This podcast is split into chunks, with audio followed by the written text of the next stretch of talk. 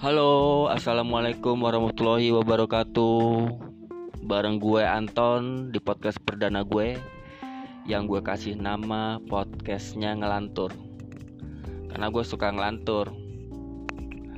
Di episode kali ini gue akan ngomongin tentang jomblo. Gue sendiri adalah jomblo. Kenapa gue jomblo? Karena gue orangnya tertutup. Terbuka kalau pas mandi doang tapi enaknya jadi jomblo itu temannya banyak. Karena pas kita nembak cewek, jawabnya temenan aja.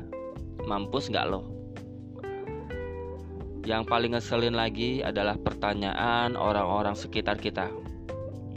Ton, gandengannya mana? Mereka gak tahu aja. Gue sebenarnya lagi LDR.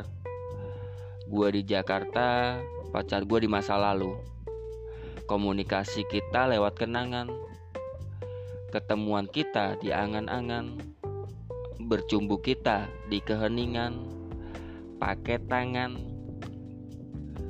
Ada yang bilang jomblo ada dua.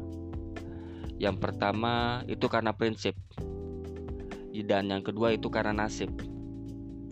Nah, gue yang nomor dua.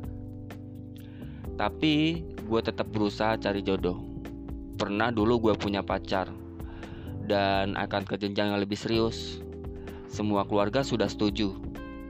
Bapak ibunya setuju, kakek neneknya setuju, om tantenya setuju, pak de budenya setuju. Tapi ada satu hal yang membuat gagal. Suami dan anaknya gak setuju.